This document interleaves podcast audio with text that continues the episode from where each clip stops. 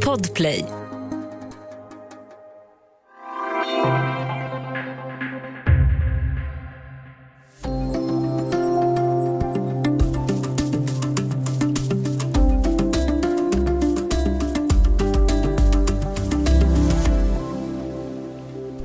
Korruptionsanklagade Benjamin Netanyahu verkar inte kunna sitta kvar som premiärminister i Israel. Vad det betyder för situationen i landet återstår att se. På andra sidan Atlanten balanserar president Joe Biden mellan USAs långvariga stöd till Israel och ett demokratiskt parti som är allt mer kritiskt till Israels politik. Välkommen till Studio DN. Jag heter Sanna Thorén Björling.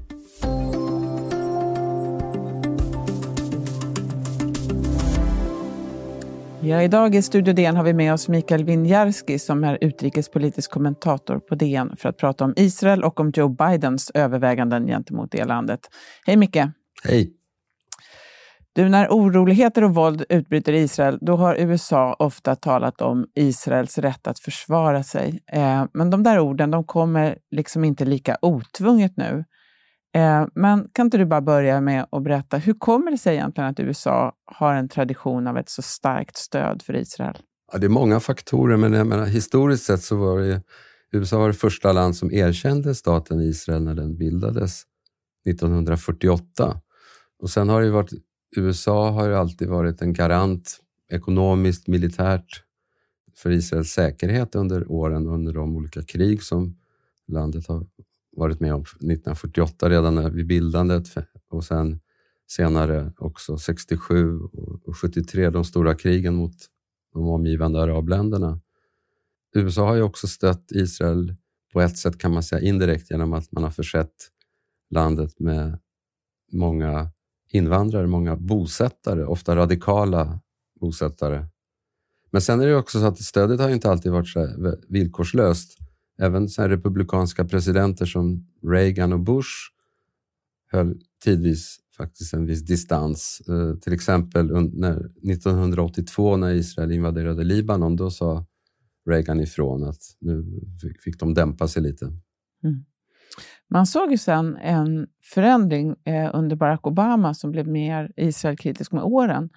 Det där eh, fick ju, inte bara, fick ju också Republikanerna att på egen hand knyta närmare band till Israel. Jag kommer ihåg när eh, talmannen John Boehner bjöd in Netanyahu själv till kongressen, det var 2015, för att protestera mot att Obama förhandlade med Iran om kärnenergi. Eh, det där fick ju jättestor uppmärksamhet. Det var ju väldigt eh, okonventionellt att göra så. Eh, och Trump då sen omfamnade ju Israel. Joe Biden han har ju hängt med under hela den här perioden i flera decennier och har ju en väldigt lång personlig relation till Netanyahu. Eh, hur ser den ut? Ja, alltså bara för att återkomma till det här med Trump. Det tycker jag är lite intressant. Han är ju, han är ju en maktmänniska utan någon synbar ideologisk övertygelse. Han hade nog inga speciella känslor för Israel, men han förstod ju att en valvinnare i USA för att få, i alla fall för att rekrytera röster från de väckelsekristna eller evangelikalerna som de kallas för. Det var att eh, bli starkt pro-israelisk eh, så, så, han kunde få deras stöd när han kandiderade eller försökte bli omvald som president. Biden, han, han eh, nej, eh, när det gäller hans relation till Netanyahu så är den väl inte särskilt bra. De har ju känt varandra väldigt länge som, som du säger, men han var ju, Biden var ju Obamas vicepresident under åtta år och Netanyahu hatar ju Obama av, av flera olika skäl. Av framförallt politiska skäl eftersom Obama ville ändå balansera eh, till exempel han, han ville öppna upp eh, relationerna med Iran och han ville också månade i, i någon mån också om palestiniernas läge. Så att det där har väl smittat av sig lite grann på Netanyahus syn på Biden förstås. Även om de, de, Biden är mer pro-israelisk än vad Obama var, absolut. Mm. Och de har ju ändå känt varandra personligen eh, och kunnat prata. Det här senaste våldet i Israel, det bröt ut den 10 maj. Vi har pratat om det tidigare i podden. Kan du bara lite kort påminna lyssnarna här om vad som, vad som hände under de här elva dagarna före vapenvilan? Ja, Yttre observatörer noterade att USA låg väldigt lågt under många, många dagar.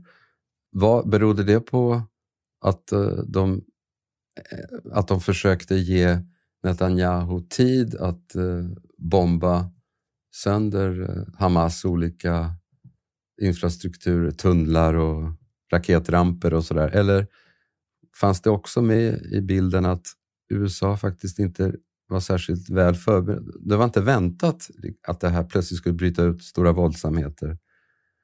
Och, och, och om det var så, så, så kan man ju fråga sig varför de inte var det.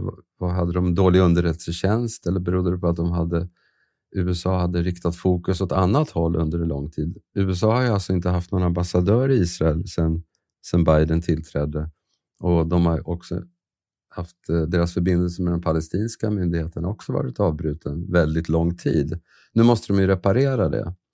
Och så till slut, det, det, det verkade som att USA, alla krav från omvärlden om att nu måste vi få en vapenvila, det motsatte sig USA under lång tid. Till slut så sa han att nej, nu, kanske, nu ser vi framför oss att det kanske räcker nu. Och då blev det väldigt snabbt en vapenvila. Mm.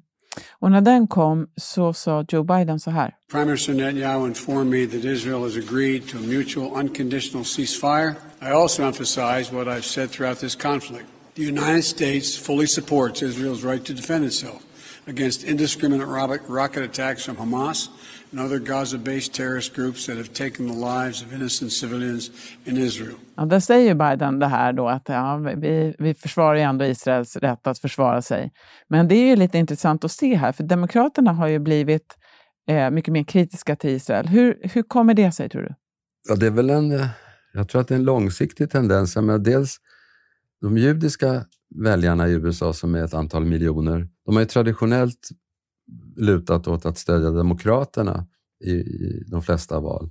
Men de har ju blivit mer liberala, eller åtminstone mindre stödjande till de israeliska högerregeringarna. De stöder de inte Israels regering vad, de än ta, vad den än tar sig för. Det andra är väl att den så kallade progressiva falangen, eller vänsterflygeln inom partiet, som leds av den här gruppen av yngre kvinnor, The Squad kallas de för. Två av dem är ju väldigt eh, kraftfulla muslimska kvinnor, Ilhan Omar och Rashida Tlaib, de har ju också puttat så att säga eh, den här eh, saken lite mer åt ett Israel, starkt Israelkritiskt håll. Och det tror jag, där måste ju, Biden måste ju ta hänsyn till alla falanger i partiet, så han måste balansera upp det där lite grann. Jättespännande. Vi ska alldeles strax prata lite mer om relationerna mellan USA och Israel.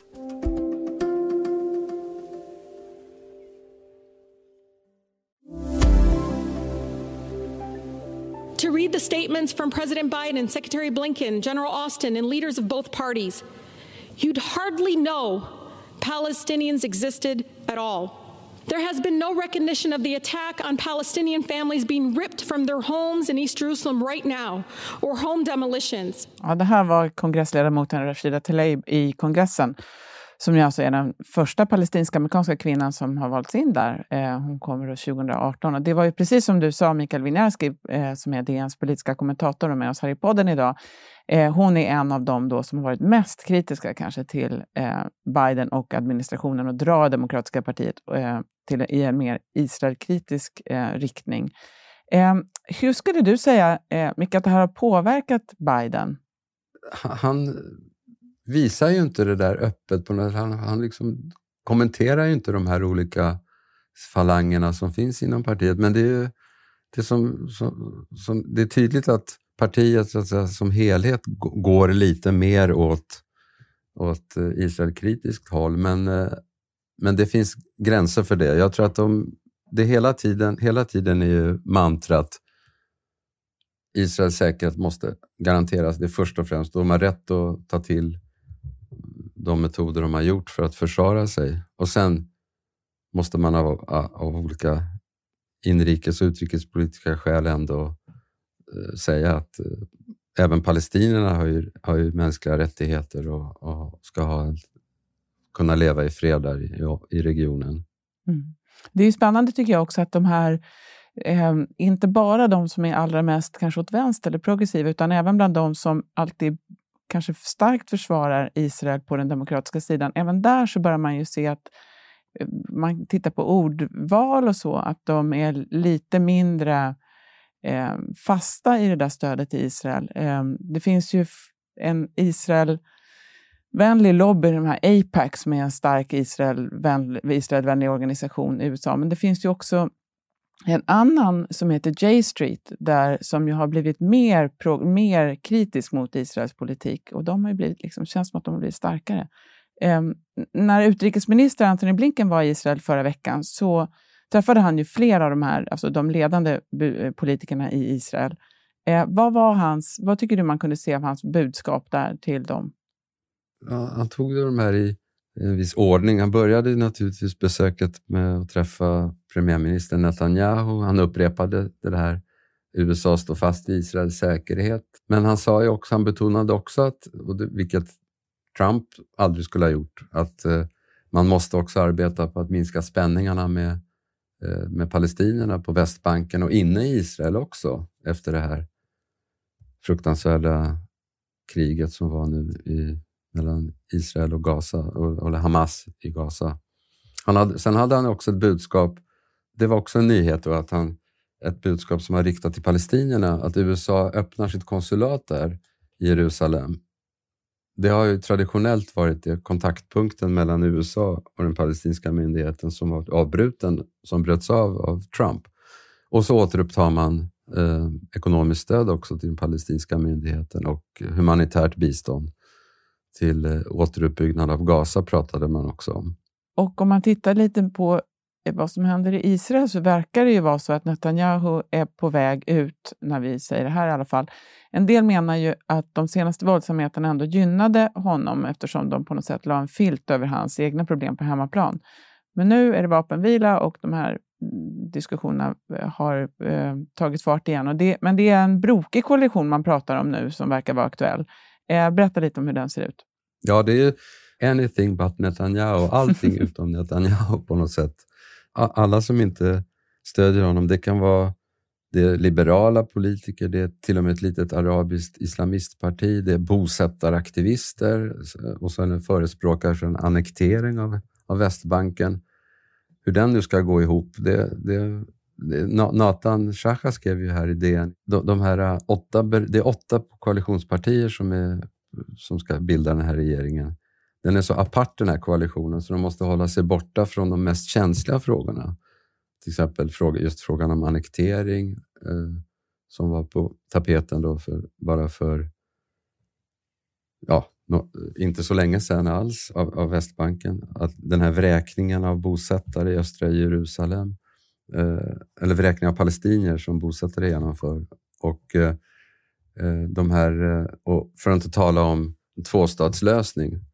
Så alla de frågorna, de här känsliga frågorna, kommer nog läggas i malpåse tills vidare. allt handlar om att bli, göra sig av med Netanyahu. Ja, och jag menar om man gör det, det blir ju väldigt bräckligt då, för att så fort man har tillträtt så har man gjort sig av med Netanyahu, den som, då gemensamma fienden. Eh, och då står man då inför att försöka, jag vet inte, syssla med annat än det som är jobbigt helt enkelt. Ja, och det jobbiga är ju om man nu blir av med Netanyahu och han, hans rättegången kan fortgå, han kanske till och med hamnar i fängelse, då, då kommer ju de här frågorna om relationerna till palestinierna försvinner ju inte. Den frågan försvinner inte, den kommer ju alltid vara plåga den, en israelisk regering oavsett hur, de ändå, hur, hur mycket de än försöker undvika den. Men om man kommer tillbaka då till USA, vad, vad, vad tror du händer då med USAs roll här? Vad betyder det ett, ett nytt läge för, eh, för Biden-administrationen?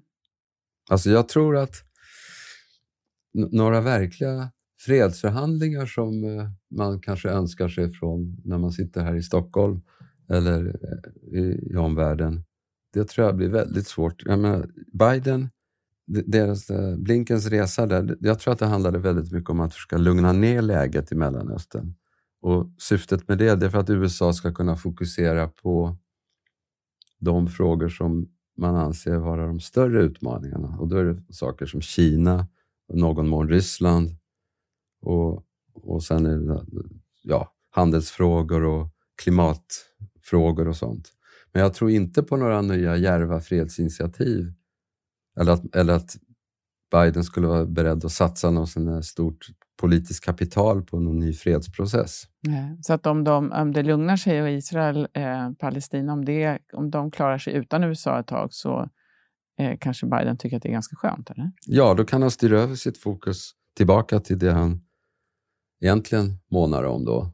Ja, först och främst inrikespolitiken, men också, också att eh, mota Kina då i, och det, Kinas expansion, i, framförallt i Asien men även i övriga delar av världen.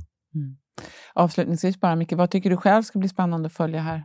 Nej, men det, det, de närmaste dagarna blir väldigt spännande att se om vad som kommer hända med eh, om Netanyahu verkligen efter, äntligen efter 12 år eller vad det nu är försvinner som regeringschef. Och mm.